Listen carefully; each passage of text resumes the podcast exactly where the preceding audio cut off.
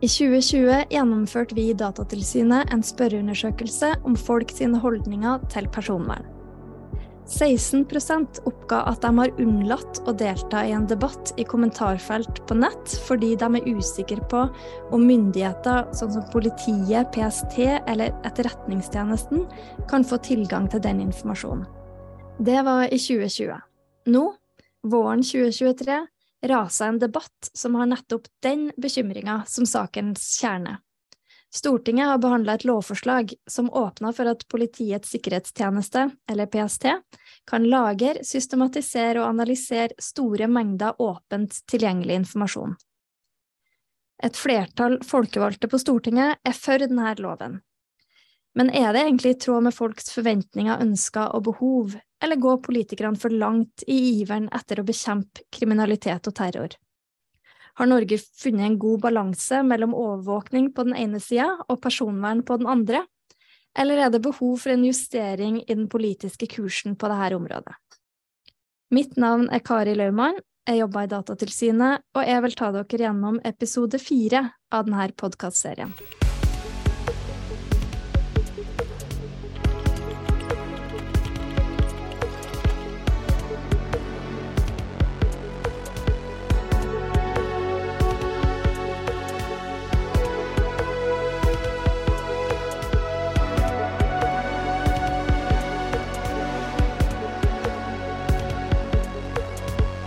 Mitt navn er Tor Aksel Busch. Jeg har vært hele mitt yrkesaktive liv i påtalemyndigheten. Er nå uh, pensjonist. Jeg var uh, i 22 år uh, riksadvokat. Ble medlem av Personvernkommisjonen og jobbet da i nærmere to år med dette. Og står bak de 140 forslagene som vi har fremmet. Et av temaene som dere behandla i Personvernkommisjonen, var personvern i justissektoren. Kan du oppsummere hvordan hovedutfordringa dere identifiserte i den sektoren? Ja, eh, først tror jeg jeg må få begynne litt med mandatet. Eh, fordi mandatet til kommisjonen var veldig vidt eh, og preget av at flere departementer har samarbeidet om dette, helt åpenbart. Og På mange måter blir det eh, ikke veldig spisset, eh, for å si det på den måten. Preget litt av eh, kompromisser, at det skal være med litt herfra og derfra. Og Når det gjaldt justissektoren, så hadde vi en veldig eh, vid mandatformulering. Vi skulle se på utvikling av personvern i sektoren, og identifisere i hvilken grad det samlede omfang av tiltak skaper utfordringer for personvernet og det var nok en oppgave som vi ikke svarte fullt ut uh, på. Bl.a. pga. sammensetningen og den tiden som sto til disposisjon. Fordi man må huske på at uh, når man skal vurdere de samlede inngrep, tiltak, hva man vil kalle det, på justissektoren, så henger det nøye sammen med kriminalitetsutviklingen. Kriminalitetsutviklingen går foran, og så vil samfunnet agere med ulike tiltak, og forhåpentligvis godt knyttet til den utfordringen man står i. Og Det ville innebære, hvis vi skulle se på dette, at vi måtte kartlegge hele kriminalitetssituasjonen og utviklingen i vårt land. Kommisjonen var ikke sammensatt for å kunne gjøre eh, dette, og det var heller ikke eh, mulig å få til eh, noe i den retningen på den tiden som sto til disposisjon.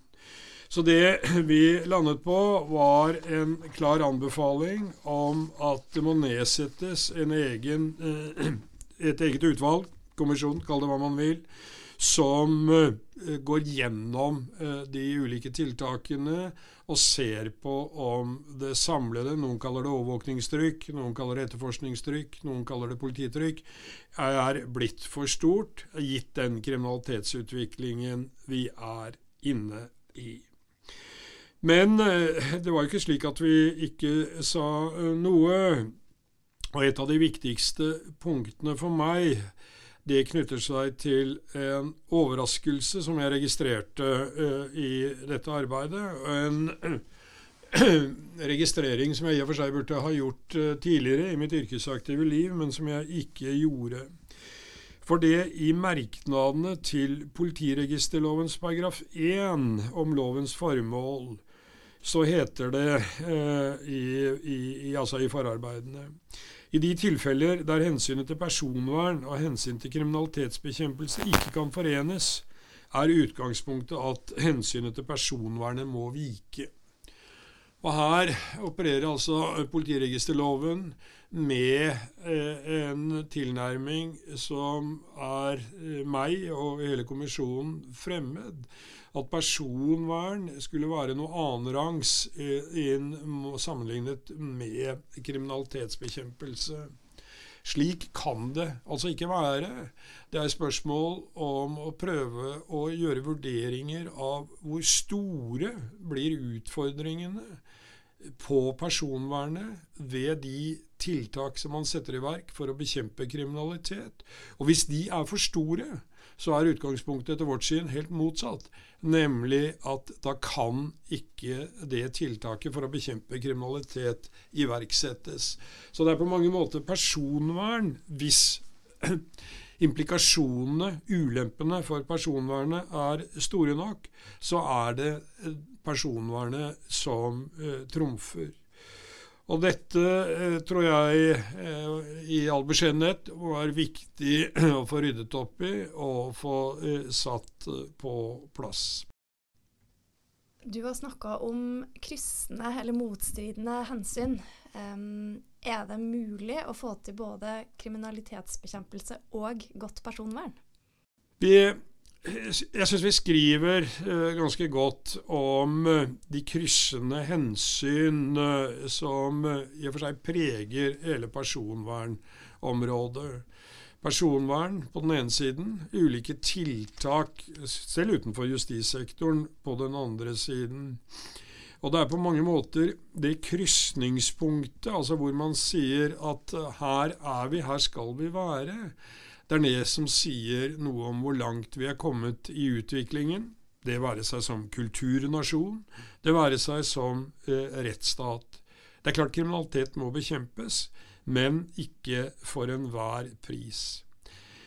For det er jo slik at for vidtgående fullmakter vil før eller siden utfordre det alminnelige publikum, og sånn sett gjøre at tilliten som politiet i dag har, ikke vil kunne vedvare. Og dette, er, dette er også et av paradoksene i og for seg i dette arbeid. fordi hvis du spør det alminnelige publikum når det er snakk om å innføre etterforskningsmetoder, f.eks., så sier veldig mange se gjerne meg i kortene. Jeg har ikke noe å skjule. Det er ikke noe farlig for meg. Jeg bidrar veldig gjerne. Men det er en for snever inngang i dette som etter hvert kan utvikle seg til et minefelt. Man må ha med seg den prinsipielle tankegangen, i hvert fall som lovgiver, som beslutningstagere, og se på er inngrepet nødvendig, gitt den kriminalitetsutvikling eh, man har.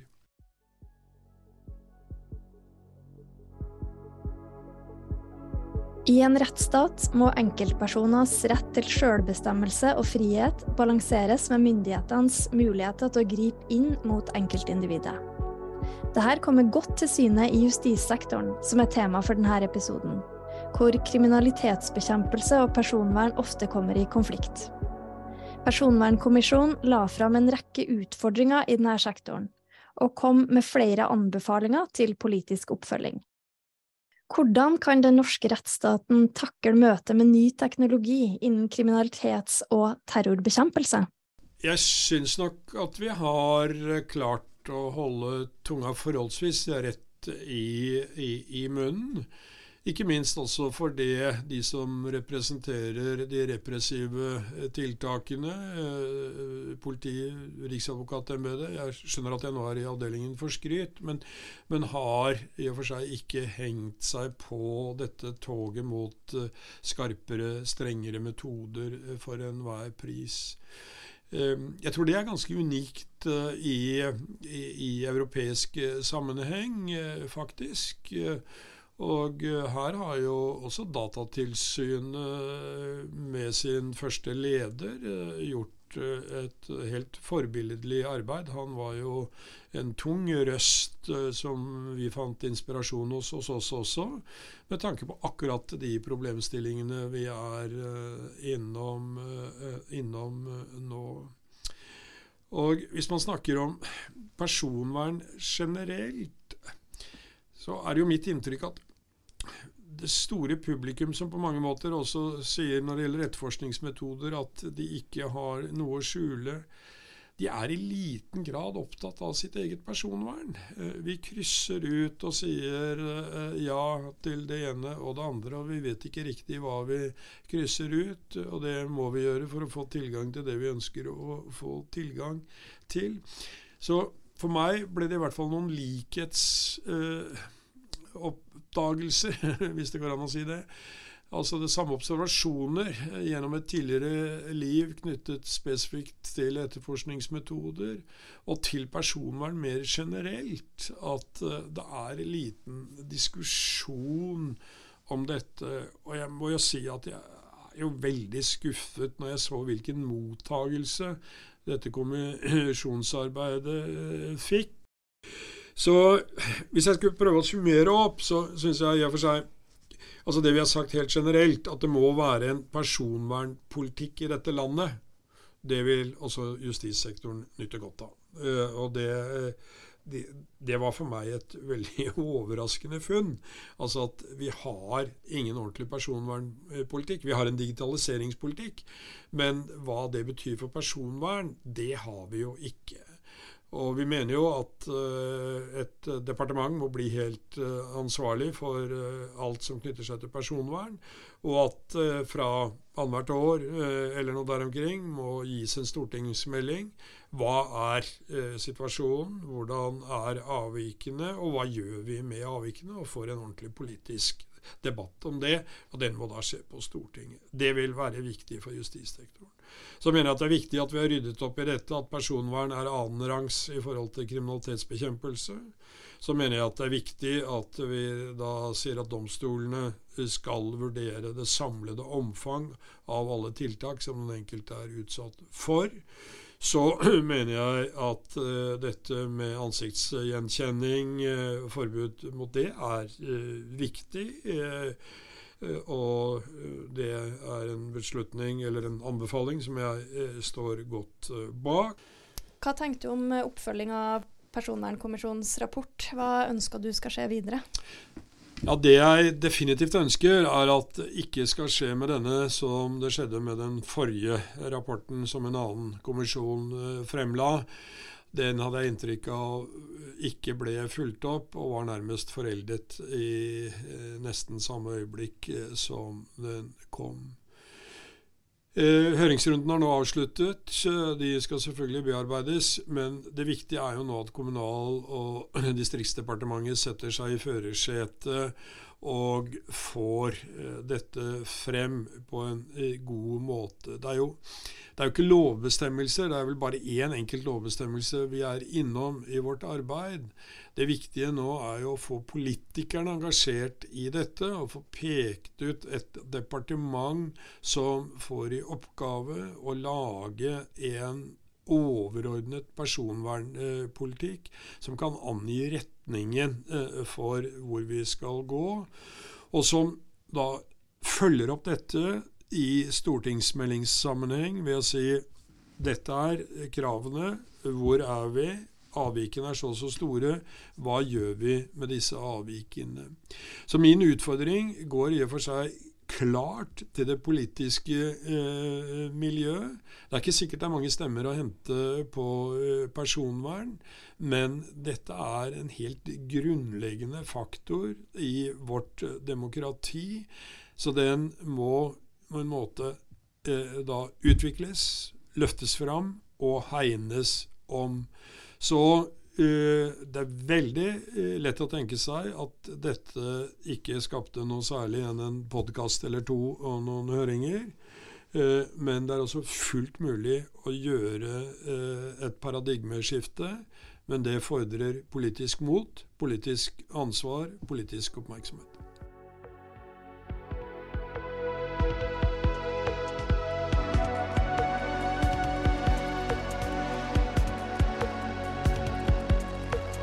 Ja, eh, Eskil Grendal Sivertsen heter jeg. Jobber som eh, eh, spesialrådgiver og forsker på Forsvarets forskningsinstitutt, hvor jeg har spesialisert meg i påvirkningsoperasjoner og digital manipulasjon. Og ser særlig på, på Russland og hvordan Russland driver med sin informasjonskrig på sosiale medier og nett, som en del av det vi kaller sammensatte trusler, eller hybride trusler, som også har blitt brukt de fleste av oss, altså de fleste av oss vi, eller alle, vi driver jo med OSINT, open, eller flerkildeetterretning, uten at vi egentlig er klar over det, eller kaller det det. Eh, når vi googler etter informasjon for å skrive en oppgave eller finne ut et eller annet, så er det jo det vi driver med. Um, kan vi si at det er en veldig enkel måte, uh, enkel OSINT-teknikk. Et eksempel, kanskje dagsaktuelt eksempel, er jo i forbindelse med krigen i Ukraina. Ehm, så foregår det er jo, Russland sprer jo ekstremt mye propaganda og desinformasjon og feil um, hele tida. Uh, og det er en kjempejobb å finne ut hva er sant og ikke sant. Kommer denne videoen fra Butsja, eller kommer den fra noe annet sted? Eller hvor, når ble den tatt opp? Hvor ble den tatt opp? Um, og, uh, og, der har jo uh, Norge også etablert et OSINT-miljø, um, faktisk verifiserbar, som er en, sånn, en del av faktisk.no, som har hvor um, norsk presse, norske medier, eh, har gått sammen og etablert et eget OSINT-miljø. Eh, hvor de sitter da representanter fra de ulike redaksjonene og går gjennom eh, innhold som, som, kommer ut på internett, eh, med videoer og, og, og annet eh, innhold, som, for å finne ut hva er sant eh, og hva er ikke sant. Og Da bruker man jo masse forskjellige OSINT-verktøy, f.eks. satellittbilder for å sammenligne situasjonen på et sted før og etter. Um, kommer det en video fra et eller annet sted som det påstås er i Ukraina, eh, så kan man bruke både satellittbilder og, og geotagging på, på, eh, eh, på bilder, f.eks., hvis det er tilgjengelig, for å finne ut hvor det er hen. Kan man se, Bare på et bilde kan man se noen markører som man kan finne igjen på et kart, for å kunne plassere det bildet på et sted. Uh, og Det er utrolig tidkrevende arbeid, og det er ikke alt det her som kan automatiseres. så Det krever mye tålmodighet og teft. Uh, men da kan man jo da finne ut om det er en påstand, et bilde, en video er, er, sann eller ikke. Og Det er jo en sånn, et eksempel på, på, på OSINT. Vi bruker jo OSINT-teknikker når vi kartlegger, uh, kartlegger for, forsøk på påvirkning på sosiale medier. Vi kjørte jo FFI i samarbeid med analyse og tall og Common Consultancy gjorde jo en jobb i 2021 uh, hvor vi kartla stortingsvalget, 20, uh, stortingsvalget, for å finne ut om uh, det ble forsøkt påvirka av utenlandske aktører. Og Da gjorde vi en rekke OSINT-undersøkelser, brukte OSINT-teknikker for å finne ut av det. Og En av flere var jo på Twitter, hvor vi forsøkte å finne ut kan vi finne tegn til det vi kaller inautentisk atferd, eller koordinert inautentisk atferd. Dvs. Si aktivitet på, i dette tilfellet, da, Twitter, som ikke eh, er menneskelig. Altså hvor det er bot, botter eller automatisert eh, innhold som, eh, som, som lages. Um, og Der fant vi eh, et eksempel på en, det vi kaller en klynge. Det var fem, fem uh, Twitter-kontoer som um, Eh, som vi kunne da identifisere gjennom stordata og nettverksanalyser og OSINT-metoder for å finne ut, for å se at de faktisk opereres som et, si, et team, um, hvor den ene produserer ekstremt mye innhold. Um, jeg tror siden 2000, Mellom 2009 og 2021 så hadde den produsert over 12 millioner tweets. Og det er jo uh, på alle døgnets tider, og det er jo ikke en men, altså, ganske åpenbart ikke et menneske som står bak.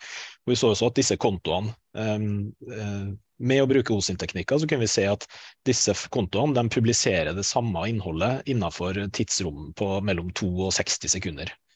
Um, og, da vi, sant, gjennom, og da har vi muligheten til å si at ok, her har vi uh, aktivitet som vi ikke vil oppdage med det blotte øyet, men som vi kan finne ut at står i sammenheng med hverandre eh, gjennom å bruke OSINT-metoder. Noen gang trenger man hjelp av en forsker for å forstå vanskelige tema. Derfor stilte vi Eskil Grendal Sivertsen i Forsvarets forskningsinstitutt, FFI, noen spørsmål som vi lurte på. Ser du endringer i trusselbildet som en følge av digitaliseringa? Hva trenger politiet og PST av nye metoder og verktøy? Hva er såkalt åpne kilder på internett, og hvordan foregår innsamling og analyse av åpne data i praksis? OSINT, um, åpne kilder. Um, i Ja, altså en OSINT har jo blitt, som følge av digitaliseringa, um, et ekstremt viktig del for ikke bare etterretningstjenester, men også alle andre analysemiljøer. og du kan jo uh, lære mye og forstå mye mer ut ifra datainnsamling, um, uten nødvendigvis å samle inn personopplysninger av den grunn. Um, jeg leste en artikkel, var Google CEO som sa et eller annet om at var det 99% av internett ikke indekseres av eller kan fanges opp av Google. Um, så det, det, det, er utrolig stort og komplekst. Og man kan eh, og, og etterretning og åpne kilde, eller flerkildeetterretning, som vi kaller det på norsk, eh, open source intelligence, det handler jo om å eh, bruke åpent tilgjengelig data eh, til å, å, skape kunnskap og innsikt. Eh, gjennom å bruke en rekke ulike metoder for å, for å, gjøre det. Men det som er felles for det, er jo at dette er informasjon som ligger åpent tilgjengelig. Man må bare vite hvordan man skal få tak i det, og hvordan man skal filtrere det og analysere det. For det er jo ekstremt mye støy og, eh, og, og si, korrumpert og, lite troverdig informasjon som ligger også på, på, nettet. Det er så mye data tilgjengelig på åpne kilder, eh, og det er så ekstremt mye av det. Men hvis man klarer å se ulike data i sammenheng med hverandre, så kan man lære utrolig mye om, om det man ønsker å undersøke. Enten om det er trusselaktører som forsøker å skape noen effekter mot Norge eller norske interesser, eh, eller det er eh, eh innenfor forskning, f.eks. For eh, det å kunne samle inn og analysere, filtrere og forstå data i sammenheng. Gir innsikt som vi eh, nesten vanskelig å, å, å overdrive betydninga av det. Eh, og særlig nå med, når vi begynner etter hvert å få bedre og bedre kunstig intelligensmodeller, så vil man kunne finne sammenhenger og, og, og lære å få ny kunnskap som, som vi ikke før har hatt mulighet til.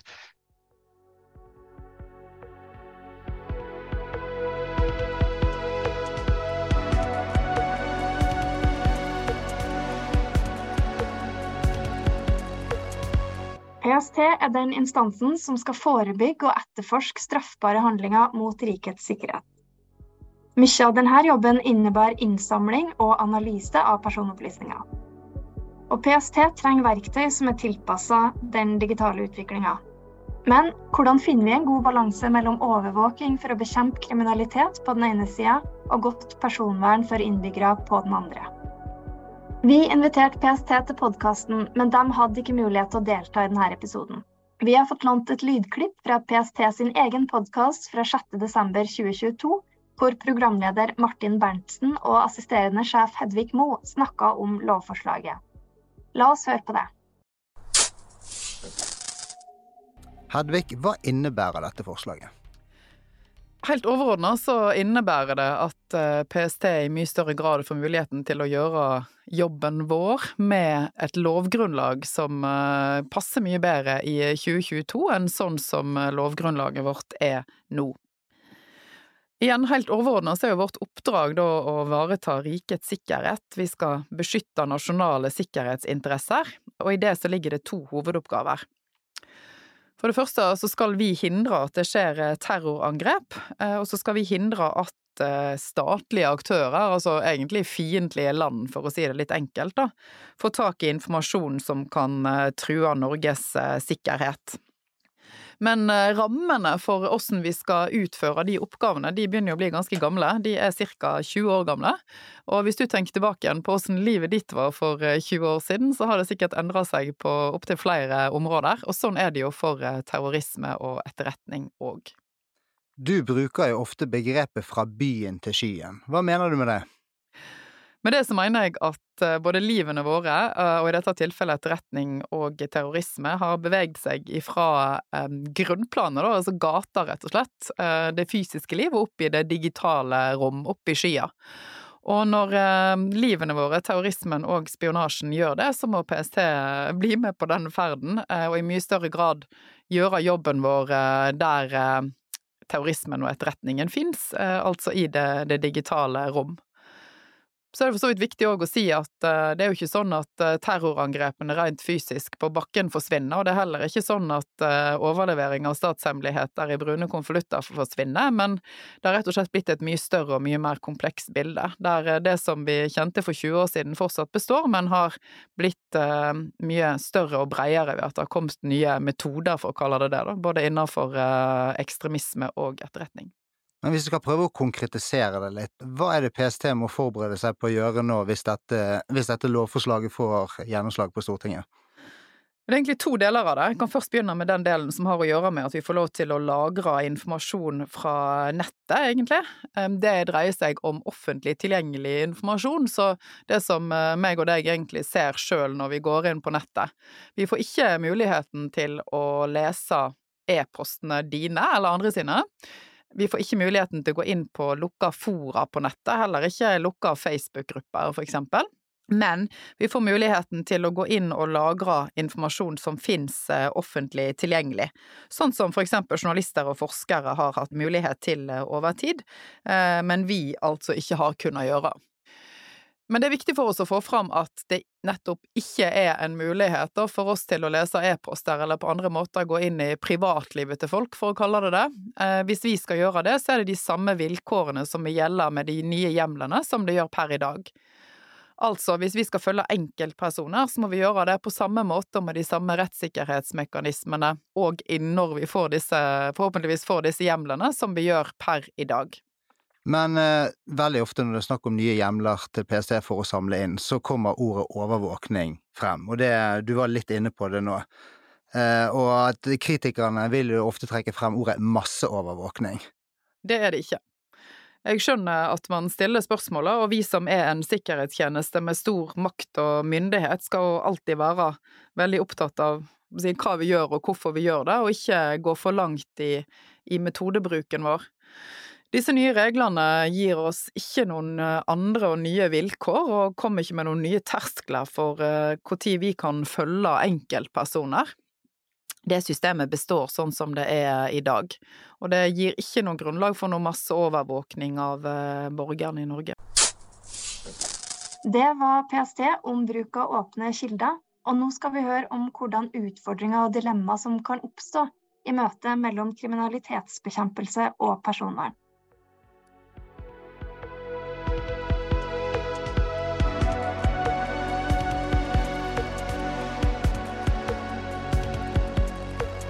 Jeg heter Jan Henrik Nilsen og er juridisk seniorrådgiver i Datatilsynet. Disse kraftige reaksjonene skyldes nok at omfanget av overvåkning øker betydelig med dette forslaget. Eh, det sies at det kun skal eh, samle inn fra åpne kilder, altså kilder som er tilgjengelige for alle på internett. Men det innbefatter også at man f.eks. kan gå med en skjult identitet inn i en Facebook-gruppe og være til stede der over lengre tid. Så det berører på en måte samfunnet som helhet, men det berører også den enkeltes eh, mulighet og følelse av å bli overvåka. Når de eh, sier ytrer noe på internett, når de søker kunnskap, når de forsøker å lære noe. Så eh, konsekvensene er jo at det vil eh, være negativt for ytringsfrihet og personvern eh, for samfunnet som helhet. Og det, det er problematisk. Dette er jo systemer som skal virke i mange, mange år. Så man vil jo ikke se konsekvensene umiddelbart. Men det er de langsiktige påvirkninger på meningsdannelsen og tankefriheten og ytringsfriheten vi er bekymra for. Et, et annet eh, aspekt av de negative virkningene av, av, forslaget er at det er uklart formulert og mangler tilstrekkelige kontrollmekanismer. Og Det gjør at det blir eh, usikkert hva PST samler inn, og hvordan de bruker det. Og Det vil kunne få negative konsekvenser for tilliten til PST som sikkerhetsmyndighet. en helt tillit de er helt avhengig av for at folk skal stole på dem, dele kunnskap i den jobben de gjør for å sikre landet. Er, er politikerne klar over eh, konsekvensene av denne loven, tror du? Jeg tror ikke det. altså. I høringsnotatet og proposisjonen er svært kortfatta hvor de negative konsekvensene av forslaget er tona veldig ned. Slik at det er veldig vanskelig å eh, sette seg inn i saken uten å gå til andre kilder enn lovproposisjonen. Så betyr det at når, når, forslaget kom til Stortinget, så er ikke personvernkonsekvensene godt nok belyst eh, i ditt syn? Nei, De er svært kortfatta drøfta i høringsnotatet. Og en viktig del om dette med skjult identitet og adgang til å overvåke Facebook-grupper er i store deler utelatt, selv om det fortsatt skal gjelde. Datatilsynet mener at PST går fra å være en politimyndighet som driver forebygging og etterforskning av konkrete straffbare handlinger, til å bli en tjeneste som driver etterretning mot norske borgere. Det er et prinsipielt skille som krever bred offentlig debatt. Hvordan kan vi få til en god balanse mellom personvern og digital sikkerhet? Kan du si litt mer om eh, det med nedkjølingseffekt, som har vært nevnt som en uh, mulig negativ konsekvens av uh, denne loven? Ja, altså det, det, beror jo på helt grunnleggende samfunnsvitenskapelige prinsipper at samtaler endrer seg når noen lytter. Og eh, De som nok blir mest berørt av dette, det er de som har kanskje meninger som er litt utrerte, annerledes, de som søker en annen kunnskap, de som ønsker å fremme et annet syn enn det gjeldende de vil nok kunne oppleve den type overvåkning eh, som er mer inngående enn andre. Og det vil nok få mange til å eh, unnlate å ytre seg på internett. En, en del av dette forslaget eh, muliggjør, eller det er for så vidt sagt rett ut, at man skal overvåke normaltilstanden på enkelte områder. Og Det er for, for å danne seg et bilde av hva er den vanlige diskusjonen og f.eks. identifisere radikalisering. Og Det betyr at man vil overvåke helt legitime politiske ytringer og miljøer for å kartlegge de, slik at man har kontroll på enkeltindivider eller grupper som etter hvert blir mer radikale. Og Det er en ganske stor utvidelse i forhold til sånn som det er i dag. Hva med folk flest, da, hvis du bare er en vanlig person, tror du det, tror du det at denne loven kommer kan påvirke hverdagen til den enkelte? Ja, øh, og det er jo ofte folk sier jeg har ingenting å skjule, jeg bryr meg ikke så mye om det.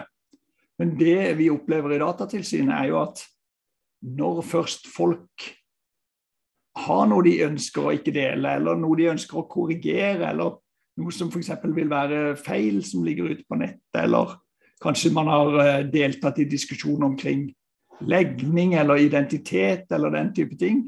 Eh, så ønsker man plutselig ikke at myndighetene skal sitte med eh, den informasjonen og kunne søke i den. Og da blir det fort vanskelig.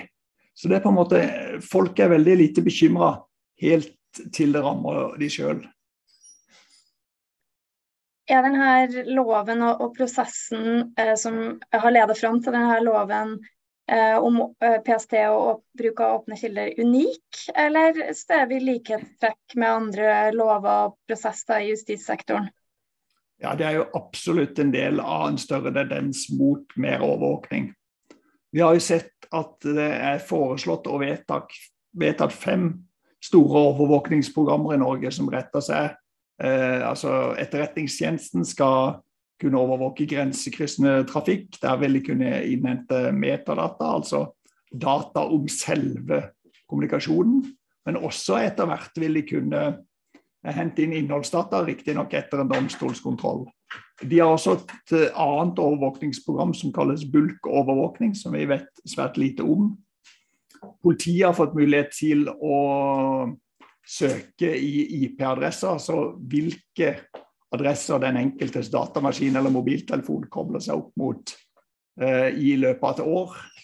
Eh, man skal overvåke flypassasjerer, og der er det sagt Man skal søke i dette etter personer som ikke er kjent av politiet før. Og Det betyr på en måte en helt annen tilnærming til hvordan man, man jobber i politiet, og det får et mer etterretningsmessig preg. Vil si at Man jobber ikke ut fra mistanke eller konkrete mistanker. Man jobber for å overvåke, for å avdekke mulige trusler eh, på en annen måte. Og Det er jo en helt annen type overvåkning enn den vi har i dag. Hva er utfordringa med å, å, å, ha kontroll på denne type overvåkning og andre typer overvåkningsprogram, sånn som du ser det? Altså, er det i det hele tatt mulig å få til god kriminalitetsbekjempelse på den ene sida og godt personvern på den andre? Altså, Hovedutfordringa med eh, kontroll her er for det første at loven er så vidt formulert at den hjemler nesten all mulig type innsamling så vil det være svært vanskelig for kontrollorganene å eh, si her skal grensen gå for innsamling. Eh, et eksempel er at i 2019 så kom EOS-utvalget, altså de som fører tilsyn med de hemmelige tjenester i Norge, med kritikk i sin vårsmelding av PST. Og Det skyldtes at PST hadde lagra informasjon om stortingsrepresentanter som var med i en såkalt vennskapsgruppe. Eh, og det fikk de kritikk fra, den informasjonen måtte slettes. Nå blir det eh, helt vanlig at PST vil registrere ulike medlemmer i grupper som de anser er i Enten som de anser som kan eh, bygge opp under radikalisering, eller andre typer ting som de er interessert i. Så det vil bli helt vanlig med politisk overvåking med den nye loven. Ja, Det er helt klart uh, mulig å få til godt personvern og kriminalitetsbekjempelse. Og uh, Vi tror jo ikke at det er en motsetning mellom disse. Spesielt når man skal sånn som nå, bruke ny teknologi som kunstig intelligens og maskinlæring. Da er det viktig for kvaliteten av resultatene at man har et godt personvern i bånn. Det handler om hvilke data man tar inn i systemet, hvordan man behandler dataene, og hvilke krav man stiller til F.eks. For forklarbarhet ved kunstig intelligenssystemer. Og Det er helt alminnelige krav som stilles til alle andre i samfunnet som skal bruke den type teknologi, men som ikke er innført i denne loven for PST sin bruk. Og Det er en svakhet ved lovverket, og det gjør det vanskelig å kontrollere. Og det gjør det mer usikkert også for PST hvordan de skal innrette sine systemer. Hvis vi løfter blikket litt eh, og ikke bare seg på den loven, men eh, litt mer eh, generelt. Det der å få til både kriminalitetsbekjempelse og godt personvern. I denne podkastserien har vi jo vært inne på det med en nasjonal personvernpolitikk. Er det en del av løsninga også her, eller, eller hva, hva, skal til for at vi får til, får til god kriminalitetsbekjempelse med godt personvern? En overordna personvernpolitikk, og spesielt på justisområdet, er veldig viktig. For eh, Den offentlige debatten omkring disse tingene er ikke så stor. og Det er derfor vanskelig for de fleste å få med seg de ulike typene tiltak som blir iverksatt. Det kommer litt og litt, men det samla bildet av overvåkningstrykket er vanskelig å, å, få en oversikt over. Og Samme med hvilke prinsipper og retningslinjer som skal styre denne type overvåkning. Eh, det ville vært veldig nyttig å ha det på plass i forkant, slik at ikke man fikk lovforslag med manglende kontrollfunksjoner, f.eks.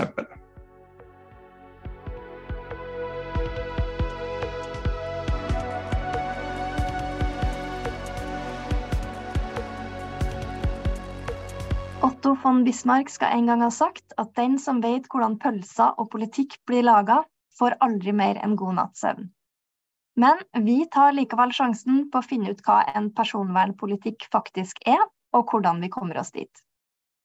I denne episoden har vi brukt lovforslaget om PST sin innsamling og bruk av åpne kilder som et eksempel på hvordan menneskerettigheter som ytringsfrihet, informasjonsfrihet og personvern kan komme under press. I denne episoden kom det òg fram at vi ikke har god nok oversikt over det samlede overvåkningstrykket fra justissektoren i Norge. Personvernkommisjonen mente at dette lå utenfor deres mandat, og Tor Aksel Busch sa i episoden at det bør settes ned en egen komité for å kartlegge overvåkningstiltak i denne sektoren.